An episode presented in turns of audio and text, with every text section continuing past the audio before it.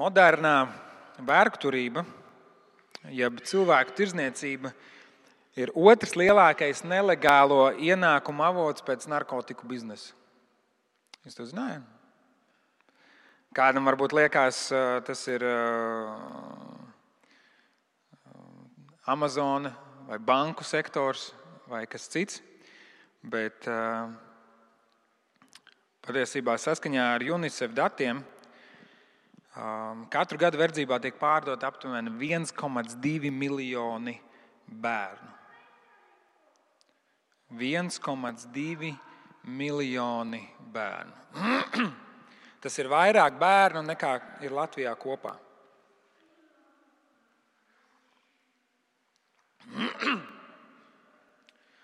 Un, lai gan verdzība tika atcelta 19. gadsimtā, mēs redzam, ka joprojām tā ir aktuāla problēma. Mēs to nu, mēs dzīvojot Latvijā, tādā ikdienā ar to nesaskaramies. Vismaz ne tāda verdzība. Un, uh, tomēr um, ir dažādi cita veida verdzība, kurā mēs um, varam iekļūt. Tā ir atkarība, vai tā ir kādi uh, kredīti. Um, tā ir kāda emocionāla saistība, kur, kur ir tāda. Nu, kas varbūt manipulācija ar mums, kur mēs kļūstam. Varbūt tas ir finansiāli. Mēs esam iesprostot kaut kādā situācijā, mēs saprotam, mēs vienkārši savādāk to nevaram atļauties. Bībeles laikā bija divi dažādi veidi, kā varēja nonākt verdzībā. Viens bija tas, ka, ja, ja tautas karoja, tad tā, iekar, tā tauta, kur uzvarēja, tā tauta, kur iekaroja, kur uzbruka, viņi varēja paņemt tos iedzīvotājus verdzībā. Ja mēs lasām arī nesen uh, virsrakstu pēdējās dienās, uh, aktualizējušies par to, cik daudz bērni, ukraiņu bērni ir aizvest uz Krieviju. Ja. Un es nesaku, ka viņi Krievijā būs verdzībā, bet tas liktenis, tas bērnu liktenis nav zināms. Bībeles laikā arī bija tā, ka iekarojošo tautu viņi varēja paņemt sievi, vīriešus, parasti iznīcināja, sievietes un bērnus pat paņēma kā laupījumu, paņēma verdzībā. Un, tas varbūt ir tāds, ko mēs nu, vairāk saprotam ar verdzību, nu, ka tā tas notiek. Bet otrs veids, kas patiesībā arī bija visai izplatīts, ir tad, kad tu pats sevi pārdevi verdzībā vai pats savu ģimeni pārdevi verdzībā. Tad, kad tu biji uh, nokļuvis kādās grūtībās, tu varbūt biji aizņēmies, uh, nu, tajā laikā nav, nebija gluži tur ātrie kredīti vai kas, bet nu, tu gāji un aizņēmies kaut ko no, no kāda kaimiņa vai no kāda cilvēka un uh, nevarēji atdot. Tu nevarēji to atdot, un, un, un tur bija kādi varbūt arī procenti, kas pieaug, un beig beigās saka, es nevaru samaksāt. Un es nāku un es, savu, es samaksāju ar sevi. Ja, nu, man nav ko dot vairāk, man nav ko atņemt. Es samaksāju ar sevi. Un patiesībā vecajā darbā mēs lasām, ka Dievs bija paredzējis jau, ka, um, ja tā notika jūdu tautā, tad jūdiem bija pienākums katru septīto gadu atlaist šo cilvēku brīvībā un dot jaunu sākumu. Ja, tā, Dievs jau bija ielicis, kā, nu, ka tam ir jābeidzās, nu, ka, ka tāds nevar turpināties. Kaut kas, kam mēs sevi atdodam, kad mēs nevaram samaksāt. Un, kas ir tas, kas tevi pavērdzina? Nu, neviens jau negrib teikt, ka es, es neesmu vergs, mēs visi esam brīvi, mēs dzīvojam brīvā Latvijā. Bet, bet kas tev pavērdzina? Parādi, citu cilvēku viedoklis, iedomāti standarti, vai varbūt savi kaut kādi mērķi un sapņi, kurus tu nevari nolikt malā un kas tev dzen uz priekšu. Un, ja tos neizdodas piepildīt, tad tu esi nelaimīgs. Varbūt tā dedzīgā kalpošana Vai varbūt nespēja kalpot pēc tiem standartiem, kādus tu pats sev esi nolicis? Varbūt tā ir kāda iekāre. Tie visi ir modernie vērkturi. Un, uh, lai gan mums liekas, ka mēs dzīvojam tādā mūsdienīgā un civilizētā pasaulē, modernie vērkturi nav ne iecietīgi, ne laipni. Tie pavērdzina un izsūc visu dzīvību mūsos. Un tādi potenciāli vērkturi mums katram ir kabatā, mums katram ir pieejami. Tie, tie uzbūr ilūziju par brīvību, bet patiesībā vazā mūsu aiz deguna. Un tāds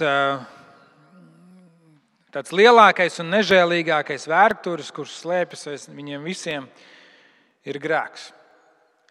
Un grēks joprojām pavērdzina miljoniem cilvēku, es pat teiktu, miljardiem cilvēku. Grēks joprojām izposta miljardiem cilvēku dzīves, apsolot, iemāno, apsolot dažādas labumus un iemānot cilvēkus savos slazdos. Tomēr mums, kas esam dzīvi, savu dzīvi uzticējuši Dievam, mums ir cits kungs. Mēs neesam grēka vergi. Vēstulē romiešiem sastajā nodaļā, un mēs šodien neturpinām vēstuli romiešiem, bet mēs tur arī pēc kāda brīža nonāksim. Bet vēstulē romiešiem sastajā nodaļā no 16. panta ir rakstīts, vai tad nezināt, ka nodevuši sevi verdzības klausībā, jūs esat vergi tam, kam paklausāt? Vai nu grēkam, kas ved nāvē, vai paklausībai dievam, kas ved uz taisnību. Bet lai pateicība dievam, ka reiz būdami grēka vergi, jūs no sirds esat paklausījuši tai mācībai, kas jums nodota, un atbrīvot no grēka, jūs paklausāt taisnībai. Jūsu cilvēciskā nespēka dēļ es runāju vienkāršā cilvēku valodā. Tāpēc kā jūs ļaunu darīdam reiz nodevāt savus locekļus kā vergus nešķīstībai un ļaundarībai, tā tagad nododiet savus locekļus kā vergus taisnībai uz svētumu. Kad jūs bijāt grēka vergi, jūs nekalpojāt taisnībai. Kāds tad toreiz bija jūsu auglis? Tāds, par ko jums tagad jākaunas. Tas viss ved nāvē.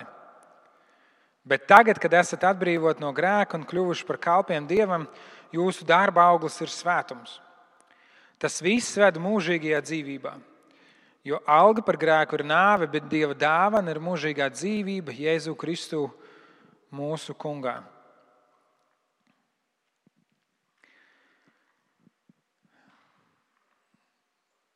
Pāvils runā tādiem tiešiem terminiem. Terminiem, kurus tā laika cilvēks uh, ļoti labi uztvertu un saprastu. Un bieži vien mēs sludinām evanģēlīju, mēs sakām, Dievs tevi atbrīvos. Šeit Pāvils runā, viņš saka, vai jūs nezināt, ka reiz jūs bijāt grēka vergi un nu jūs esat vergi Dievam. Viņš saka, pat, pat nododiet sevi. Un ja Kristus patiesi ir mūsu dzīves kungs, ja tā, mēs nākam arī pie vakarēdienas, pirmajā svētdienās, mēs nākam, arī tas aicinājums kristībās ir apliecināt Jēzu Kristu kā savas dzīves kungu. Un ja viņš patiesi ir kungs, tas padara mūs pakļauts viņam. Viņš ir kungs. Ja tas nav gluži tā, kā mēs reizēm sakām, dāmas un kungi, ja, un tad mēs varam, nu, visi vīrieši. Ne, viņš ir kungs, ķēniņš, ķēniņš, kungu kungs, viņš ir saimnieks, viņš ir priekšnieks. Un mēs esam pakļauti viņam. Ja mēs gribam būt kopā ar Dievu, mums jākļūst par viņa kalpiem. Ja mēs esam runājuši par to, ka Jēzus ir kungs, tad, tad mēs esam kalpi, un tā ir viena no mūsu identitātēm. Un, un tā mēs mēdzam domāt, tā mēs mēdzam runāt, un, un tā mēs mēdzam arī rīkoties saskaņā ar to. Jā, reizēm mācītājs sauc par tā kunga kalpiem, jā, vai kādas draudzes nozara vai organizācijas sauc par kalpošanu. Jā, un, protams, es uzreiz gribu pateikt, nav tas būtiskākais tajā, kā mēs kādas lietas saucam, bet kā mēs kādas lietas uztveram. Bet uh, latviešu valodā īpaši mēs varam daudz spēlēties ar vārdu kalps. Ja, kalpot, pakalpot, pakalpojums, pakalpiņš un tā tālāk.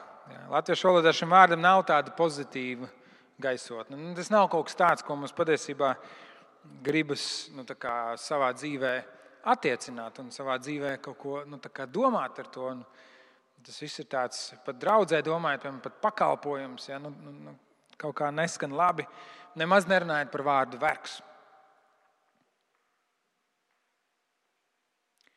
Un kad mēs dzirdam Jēzus vārdus no Mateja līdz 20. nodaļas, kas grib būt liels jūsu starpā, lai ir visu kalps.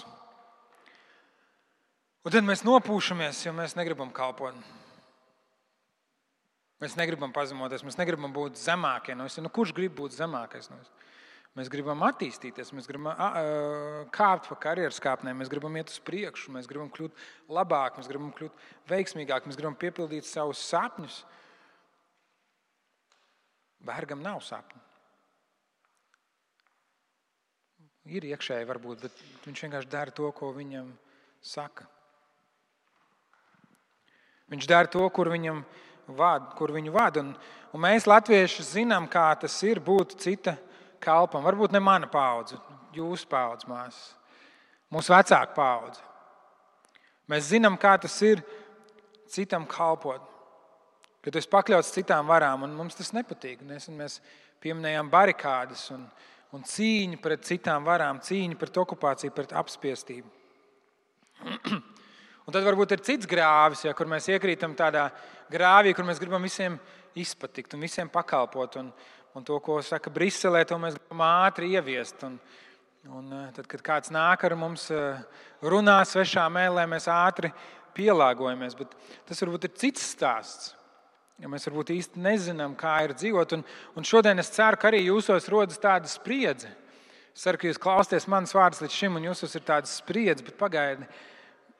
Dievam vajadzēja man atbrīvot, Dievam vajadzēja dot mieru, un, un tagad runā par to, ka man jābūt kalpam un pakļautam un, un vergam. Es ceru, ka jūsos rod, ir, ir tā nedaudz nērti. Vai arī jūs jau sen man vairs nedzirdat? Mēs redzam, ka Jēzus nāca un kalpoja. Un arī saviem mācekļiem mācīja darīt tāpat un rādīt. Jēzus, nāca, Jēzus bija tas, kurš nāca un mazgāja saviem mācekļiem kājas. Bet mēs arī redzam, Jēzus dzīvē, ka šī kalpa identitāte viņu nenospieda. Padomājiet par to. Padomājiet, kas ir Jēzus. Padomājiet par to, kas ir Jēzus. Ir trīsvienības otrā persona kungu kungs un ķēniņš ķēniņš. Kāds, kurš ir bijis pie pasaules radīšanas. Kāds, kuram autoritātei un spēkā nav neviena līdzīga. Kurš ir perfektās attiecībās ar tēvu un svēto garu. Pilnīgs savā trīsvienībā. Kāds, kuram nav vajadzību, kuram nekas netrūkst, kuram nav nepieciešams izpatikt nopelnīt atzinību. Un šis kāds nāk un kalpo.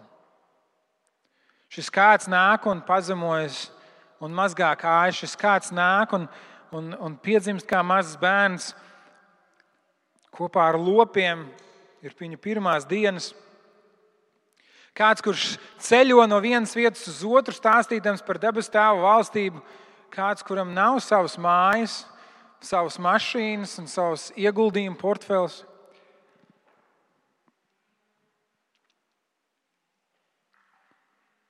Kāds, kuru apcietina, kāds, kur izsmēja, kāds, kur zaimo, kāds, kur piesit krustā, kurš nomirst apkaunojošā nāvē.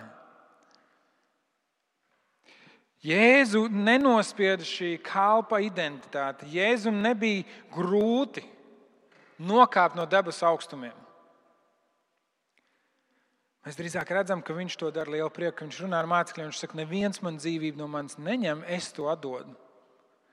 Neviens no manis nepieprasa, es to atdodu. Un man liekas, ka tā ir tā atšķirība, mīļā draudzene. Ka tad, kad mūs piespiež, un tad, kad mums pieprasa būt kalpiem un vergiem, mums to negribas darīt. Bet tad mēs sekojam Jēzus piemēram, viņš saka, viņš labprātīgi to dara. Un, protams, eh, es nesaku, ka viņam tas bija viegli un patīkami. Viņš tā palēkdamies uz tos krustu aizskrēja un teica, ej, super, viss brīnišķīgi. Mēs lasām, redzam, cik īsti, cik patiesi, cik sāpīgi tas bija. Bet viņš to dara, tāpēc ka viņš redz tam vērtību. Viņš to dara, tāpēc ka tas ir kaut kas, kas viņš ir. Kaut kas, kas viņu motivē iekšēji. Tas ir tāpēc, ka viņa kalpa identitāte iet roku rokā ar dēla identitāti. Un viņš skaidri apzinājās to, kas viņš ir. Neskatoties uz to, ka viņš ir nācis kalpot, ja viņš saka, neesmu nācis tiesāt, bet esmu nācis kalpot un atdot sevi, lai izglābtu, viņš joprojām ir ķēniņš, ķēniņš, visvarenā Dieva dēls. Kad Jēzus tika kristīts, Svētais gars dūjas veidā nolaidās uz viņu un atskanēja balss: Šis ir mans mīļais dēls, uz ko man ir labs prāts. Šis man ir mīļais dēls, uz ko man ir labs prāts. Tas bija pirms vēl Jēzus kaut ko bija izdarījis. Pirms viņš jau bija iesācis kalpot Dievs, jau saka, šis ir mans mīļais dēls, uz ko man ir labs prāts. Un tas ir tas, ko Pāvils raksta galotiešiem. Šķiet, arī viņi bija iegrimuši tajā kalpa identitātē, tajā burta kalpībā, tajā sajūtā, ka nu, man ir jāstrādā. Man ir jāatstrādā, lai es Dievu priekšā varētu nostāties un teikt, krietnais un uzticamais kalps. Un viņiem, galotiešiem, bija nepieciešams ieraudzīt, ka viņi caur Jēzu Kristu ir Dieva bērni. Dieva mīļotie bērni. Un man liekas, ka mums arī ārkārtīgi svarīgi ir to ieraudzīt.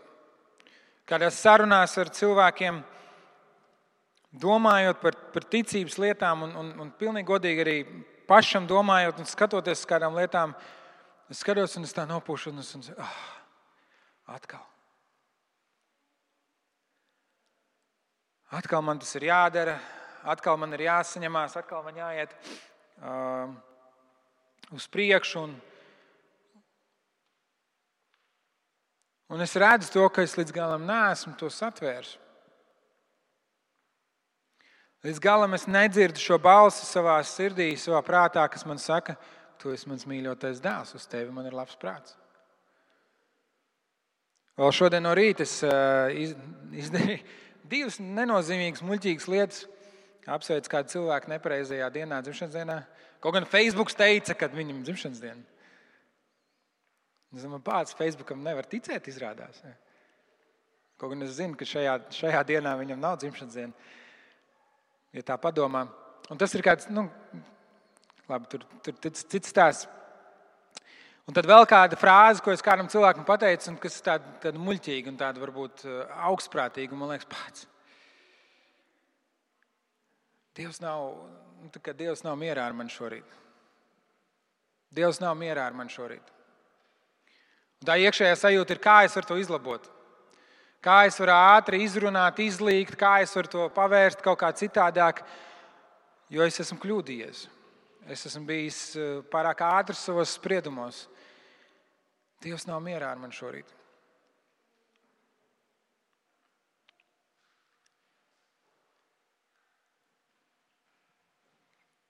Bet ir nepieciešams sadzirdēt to balsi, kur saka, tu esi mans mīļais bērns, uz tevi man ir labs prāts. Tāpēc, ka Dievs jau man nepieņēma, tāpēc, ka es visu darīju pareizi.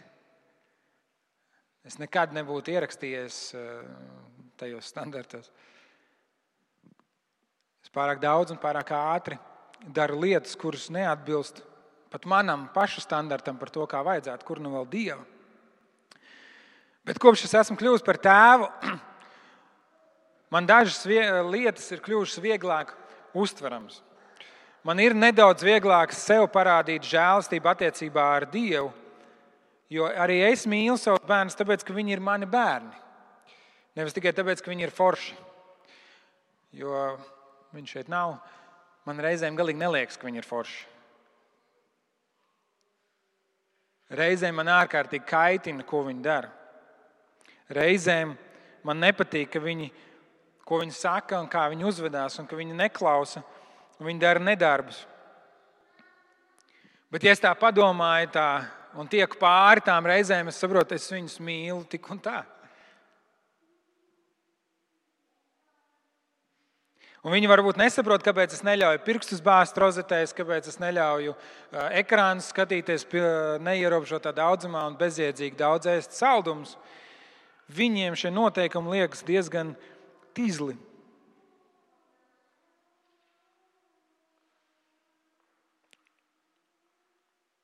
Un es gribu, lai mani bērni aug un saprot, ka ir kādi noteikumi, kuriem sekot, un lai viņi saprot, kā ir iedibināts kāda kārtība, bet es gribu, lai viņi vienmēr zina, ka man mīlestība pret viņiem nemainīsies, ja viņi kaut ko salaidīs dēliņu. Un lai arī cik ļoti es mīlu savus bērnus, tā mīlestība ir šī tik liela salīdzinot ar to, cik Dievs ļoti viņus mīl. Un cik ļoti Dievs mīl mani un tevi. Cik ļoti Dievs mīl savus bērnus. Lai cik liela būtu mana pieķeršanās un mīlestība pret maniem bērniem, tā ir nesalīdzināma ar to, kāda ir Dieva mīlestība pret mums. Un es domāju, ka lielākā daļa no, to, no jums to jau esat dzirdējuši. Lielākā daļa no jums, kad jums to pajautās, jūs zināsiet to atbildēt. Daudz no jums varbūt zina Jāņa 3.16, jo tik die, ļoti Dievs pasauli mīlējis. Un, un daudz un dažādas lietas. Bet cik daudz no jums ikdienā dzīvo tā, kā Dieva mīļotie bērni? Cik daudz no jums ikdienā tuvojās Dievam lūgšanā, kā Dieva mīļotie bērni?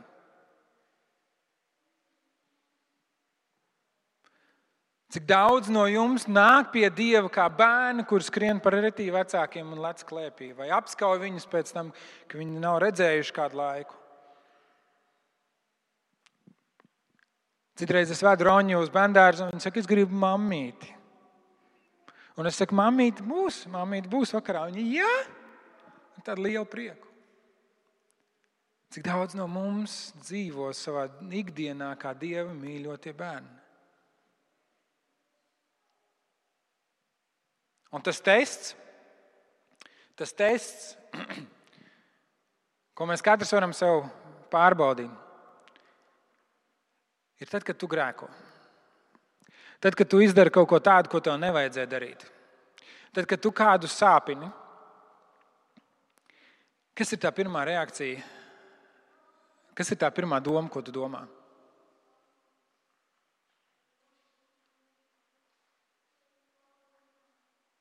Vai tā ir, man šitais ir jāizlabo? Vai tā arī Dievs piedod man, paldies, ka tu esi nomiris pie manis pie krusta? Vai tā ir lieta, ko liekas, man, man jācenšas labāk, nākamreiz es tā nedarīšu? Vai tā ir lieta, Dievs, piedod man, paldies par tavu žēlstību?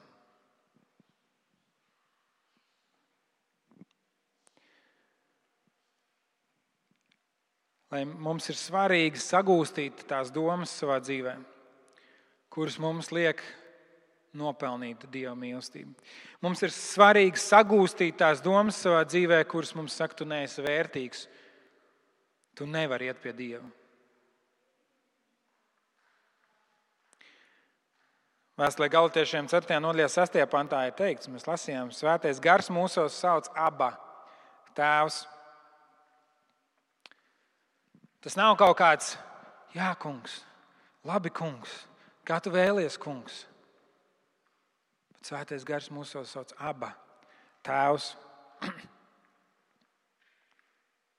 Dievs grib, lai mēs viņu tā piedzīvojam. Dievs grib, lai mēs dzīvojam ar šo apziņu, ka Viņš mūs mīl, neskatoties uz to, ko mēs darām. Un tas nekādā ziņā nemaina to, ka Viņš ir kungu kungs un visas pasaules valdnieks. Tad, kad ja mēs pret Dievu izturamies kā pret savu tēti, tas nenozīmē, ka viņš pēkšņi kļūst par vienu no tiem pamuļķu tēviem, kurus mēs redzam Holivudas filmās vai, piemēram, Simpsona multinē. Viņš joprojām ir kungu kungs, ķēniņš, ķēniņš, visas pasaules valdnieks. Bet viņš ļauj mums sevi saukt par tēti. Vēstulē kolosiešiem pirmajā nodaļā, no 13. panta Pāvils raksta, mēs pateicamies Tēvam kas mūs izrāva no tumsas varas un ieveda savu mīļotā dēla valstībā. Viņa dēļ Dievs mūs ir atbrīvojis un mūsu grēkus piedevis. Viņš ir neredzamā Dieva attēls, visas radības pirmdzimtais, jo caur viņu ir viss, kas radīts gan debesīs, gan virs zemes, redzamais un neredzamais. Vai tie ķēniņi, troni, valdīšanas, valdības un varas, visas lietas ir radītas caur viņu un uz viņu. Un Pāvils raksta, viņš saka, jūs no tumsas valstības, no baiļu valstības, no, no valstības, kur jūs esat vieni paši, kur jums pašiem jātiek ar savu, galā ar savu dzīvi, jūs esat ielikti mīļotā dēla valstībā. Nevis vienkārši dēla valstībā, nevis vienkārši gaismas valstībā, bet mīļotā dēla valstībā. Un tas nav tikai kādiem izredzētiem, kādiem īpašiem, kādiem spējīgiem. 3. nodaļas 27. pantā galotiešiem vēstulē teikts, visi, kas esat kristīti Kristus vārdā, esat tērpušies Kristū. Ko nozīmē esiet tērpušies Kristū?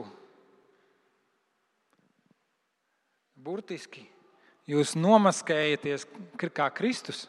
Un kad Dievs skatās uz jums, Viņš skatās uz to, ar to pašu mīlestību, kas viņam ir uz savu dēlu Jēzu Kristu. Un tas atnes brīvību. Tam vajadzētu atnest brīvību, un, mīļā draugs, tas ir tas, ar ko mums ir jācīnās savā dzīvē, savā prātā, draudzē, viens otram atgādinot. Tev nav jāizdara nekas, lai Dievs tevi pieņemtu. Patiesībā tu nespēji neko izdarīt. Dievs tevi pieņemts ar Kristu. Un vīriešiem šo ir īpaši grūti ieraudzīt, mīļie brāļi.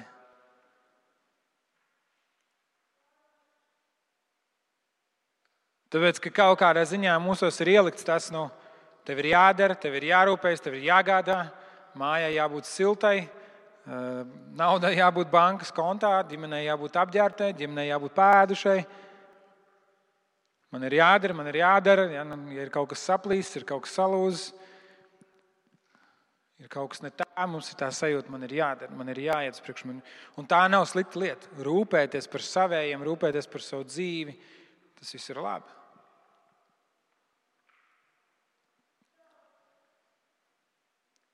Bet cik skumīgi ir redzēt lielus, spēcīgus vīrus, ne tikai fiziski, bet arī liekas, iekšēji salūstam.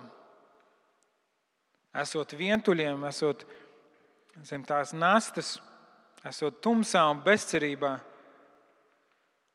tāpēc, ka viņiem nav attiecības ar tēvu. Tāpēc, ka viņi nepazīst debesu tēvu.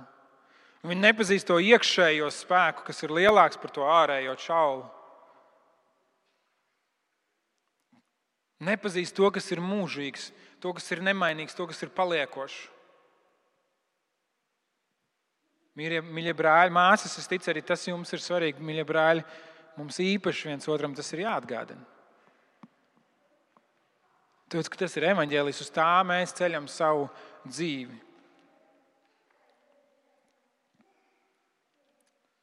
Galatiešiem 5.1. Pāvils saka, brīvībai Kristus mūs ir atsvabinājis, tad nu pastāviet tajā un neuzņemieties atkal bauslības jūgu.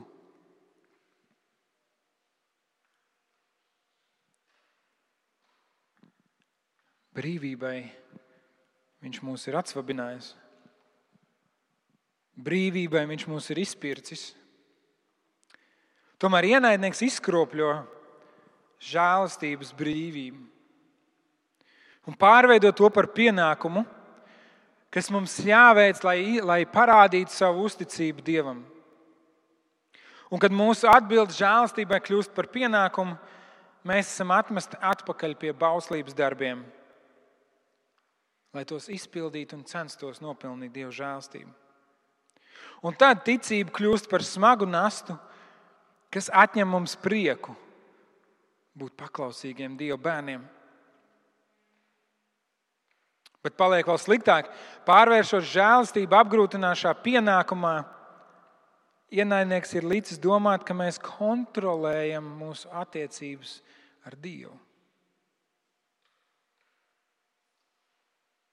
Un kad mēs noticam, ka mēs kontrolējam savas attiecības ar Dievu, mēs esam apmānīti. Mēs esam pievilti, mēs dzīvojam maldos. Jo mums ir sajūta, ja es darīšu šito, Dievam ir jādara šitais. Un liela daļa vilšanās nāk no tā.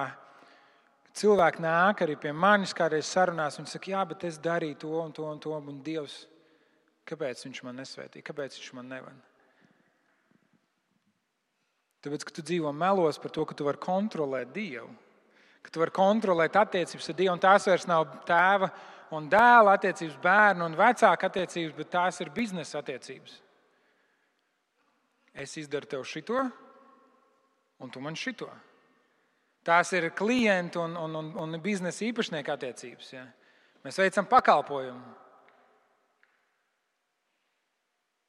Un mēs, mīļie kristieši, bieži vien dzīvojam šajās attiecībās, šajās biznesa attiecībās, šajās darījuma attiecībās.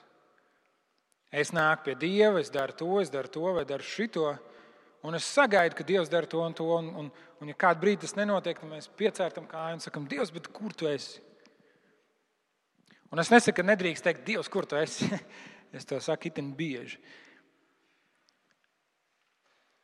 Bet mums ir jāatzīst, ka mēs nākam pie Dieva ar vēlmi dabūt. Un, un mēs ne tikai pret Dievu tā sākam izturēties, mēs sākam izturēties arī viens pret otru. Vīrs un sieva sāk izturēties viens pret otru kā, kā biznesa attiecībās. Ja? Es nomazgāšu trauks, un tad mēs varam iet mīlēties, ja? vai es iztīrīšu māju, un tu man pamesies muguru. Ja? Un, un nav slikti viens otram kalpot tādās lietās, bet mēs saprotam, ka laulība ir kas vairāk. Un tā mēs sākam izturēties arī pret cilvēkiem mums apkārt. Mēs sakām, mmm, ar šo cilvēku būtu labi draudzēties, jo viņam ir, viņam ir daudz citu cilvēku pazīstami. Tas man varētu būt noderīgi manā dzīvēm.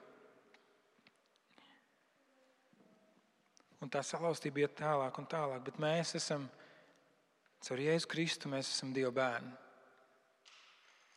Kāpēc mēs runājam par draugu kā par ģimeni? Tāpēc, ka caur Jēzu Kristu mēs visi esam Dieva bērni.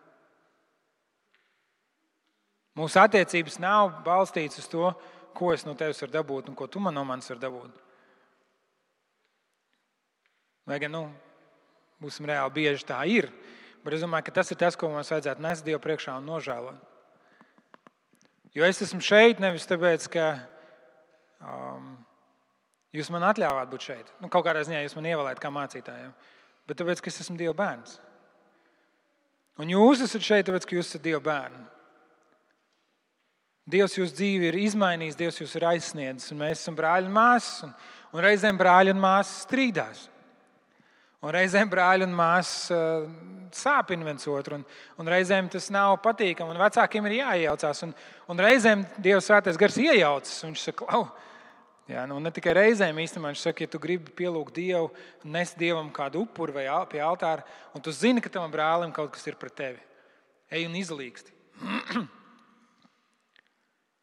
Tāpēc, ka Dievs saprot, tas nav par to, vai mums te ir izdevīgi.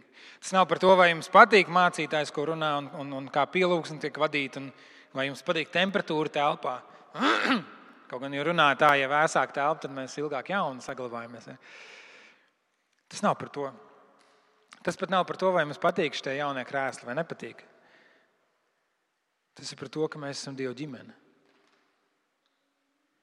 Tas ir par to, ka Dievs ir izglābis mani savā žēlstībā caur Jēzu Kristu, un Dievs ir izglābis tevi un tevi un tevi.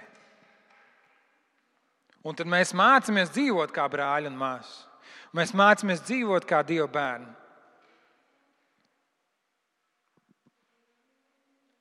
Bet, kad mēs noticam, ka mēs kontrolējam savas attiecības ar Dievu, tad mūsu pielūgsme plūst no vainas apziņas, nevis no pateicīgas sirds vai arī no aprēķina. Kad mēs noticam, ka mēs kontrolējam savas attiecības ar Dievu, mēs kļūstam par farizējiem attiecībā uz savu lūgšanu laiku vai uz laiku, kad mēs lasām Bībeli.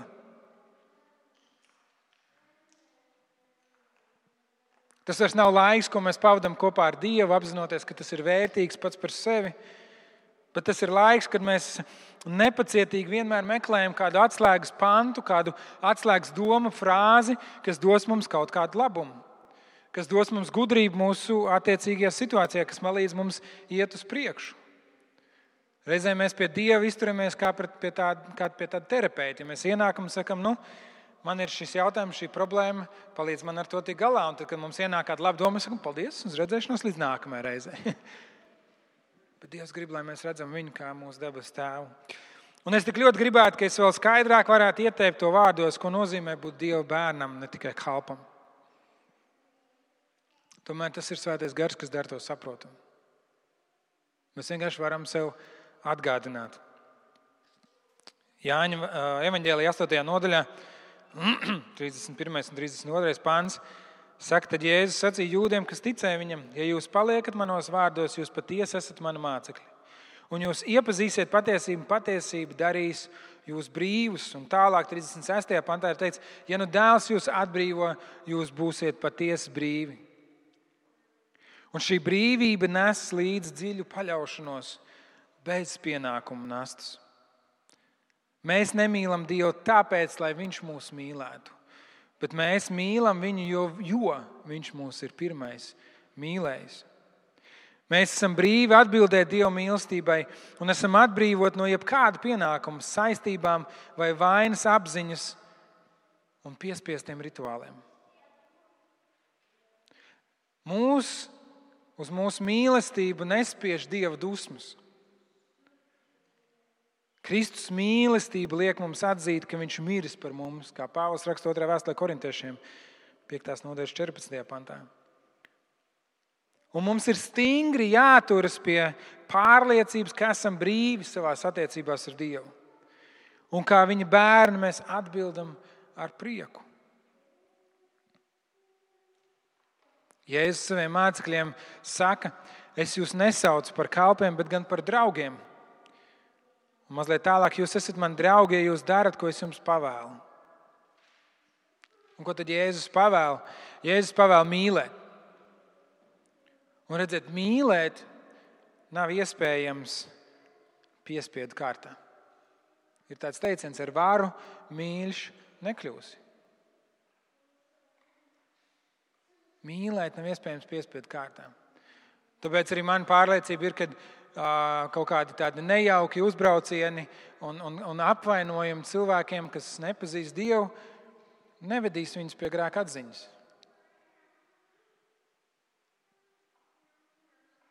Es nezinu, kādu, kurš ir nācis pie Dieva, tāpēc ka viņam kāds pateica, tu esi stulbs.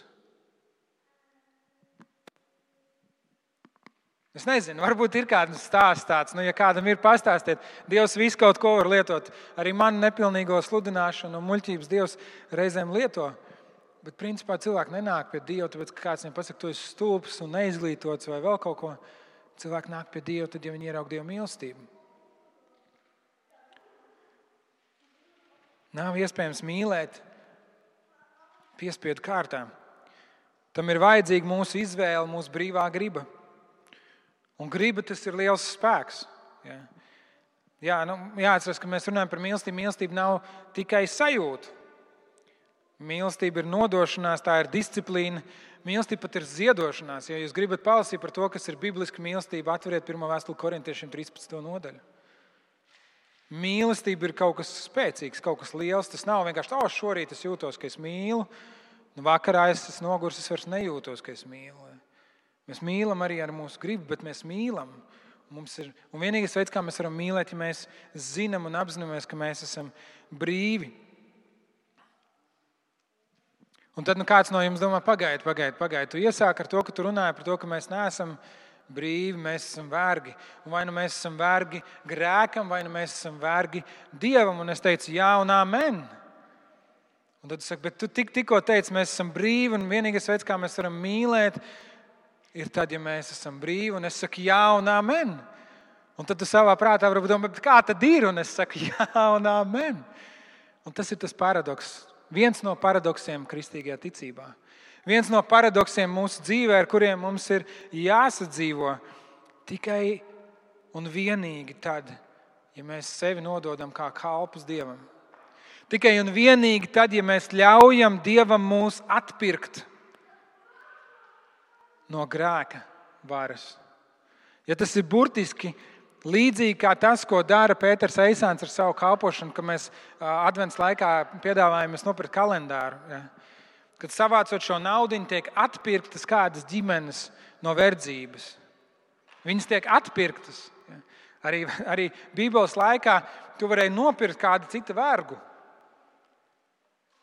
Un Dievs iet, viņš atpērk tevi no grēka, un tu kļūsti par Dieva īpašumu. Un tikai esot Dieva vergiem, tikai esot Dieva īpašumā, mēs varam būt patiesi brīvi. good luck, ja, lai jums izdodas to savā smadzenē salikt kopā. Tikai tad, ja tu esi vergs, tu vari būt patiesi brīvs. Un kāpēc tā ir? Tāpēc, ka Dievs vienīgais ir labs. Tikai tāpēc, ka Dievs vienīgais ir pilnīgs un perfekts. Ja mēs būtu vergi jebkuram citam, pat vislabākajam cilvēkam, mums būtu iemesls baidīties. Mums būtu iemesls domāt, ka tā ir netaisnība un, un tā nav pareizi. Bet Dievs nav tā kā mēs. Dievs ir pāri mums, Viņš vienīgais ir pilnīgi labs. Un ir cik brīnišķīgi piederēt Dievam. Jo Viņš nav nežēlīgs vērturs, Viņš ir mūsu debesu tēvs.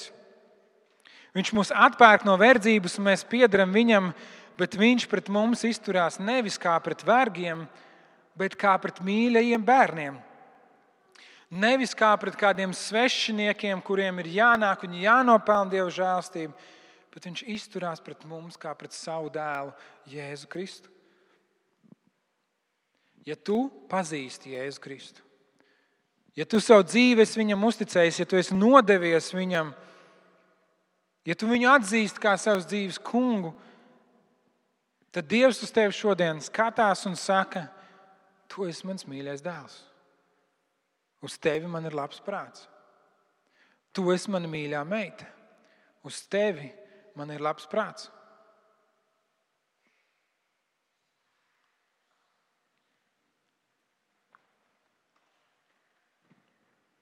Ja tu pazīsti Dievu, ja tu uzticies Viņam, tad pateicoties tam, ko Jēzus ir izdarījis uz krusta, Dievam par tevi ir tādas pašas domas, kādas Viņam ir par savu dēlu Jēzu Kristu. Tu esi mans mīļais dēls. Tu esi mana mīļā meita. Uz tevi man ir labs prāts. Neskatoties uz to, ko tu izdarīji vakar, neskatoties uz to, ko es izdarīju šodien no rīta, tu esi mans mīļais dēls. Tu esi mana mīļā meita. Uz tevi man ir labs prāts.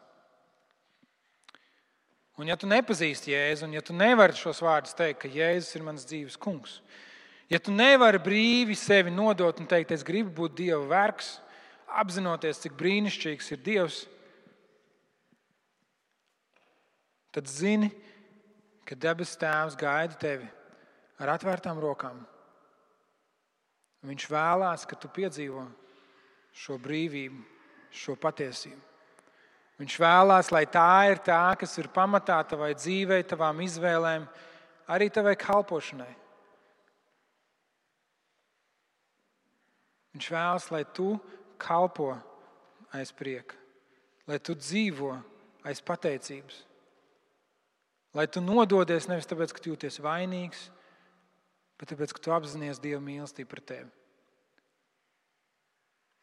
Un tad, kad mēs piedzīvojam Dieva mīlestību, tad mēs varam mīlēt. Mēs mīlam, jo Viņš pirmais mūs ir mīlējis.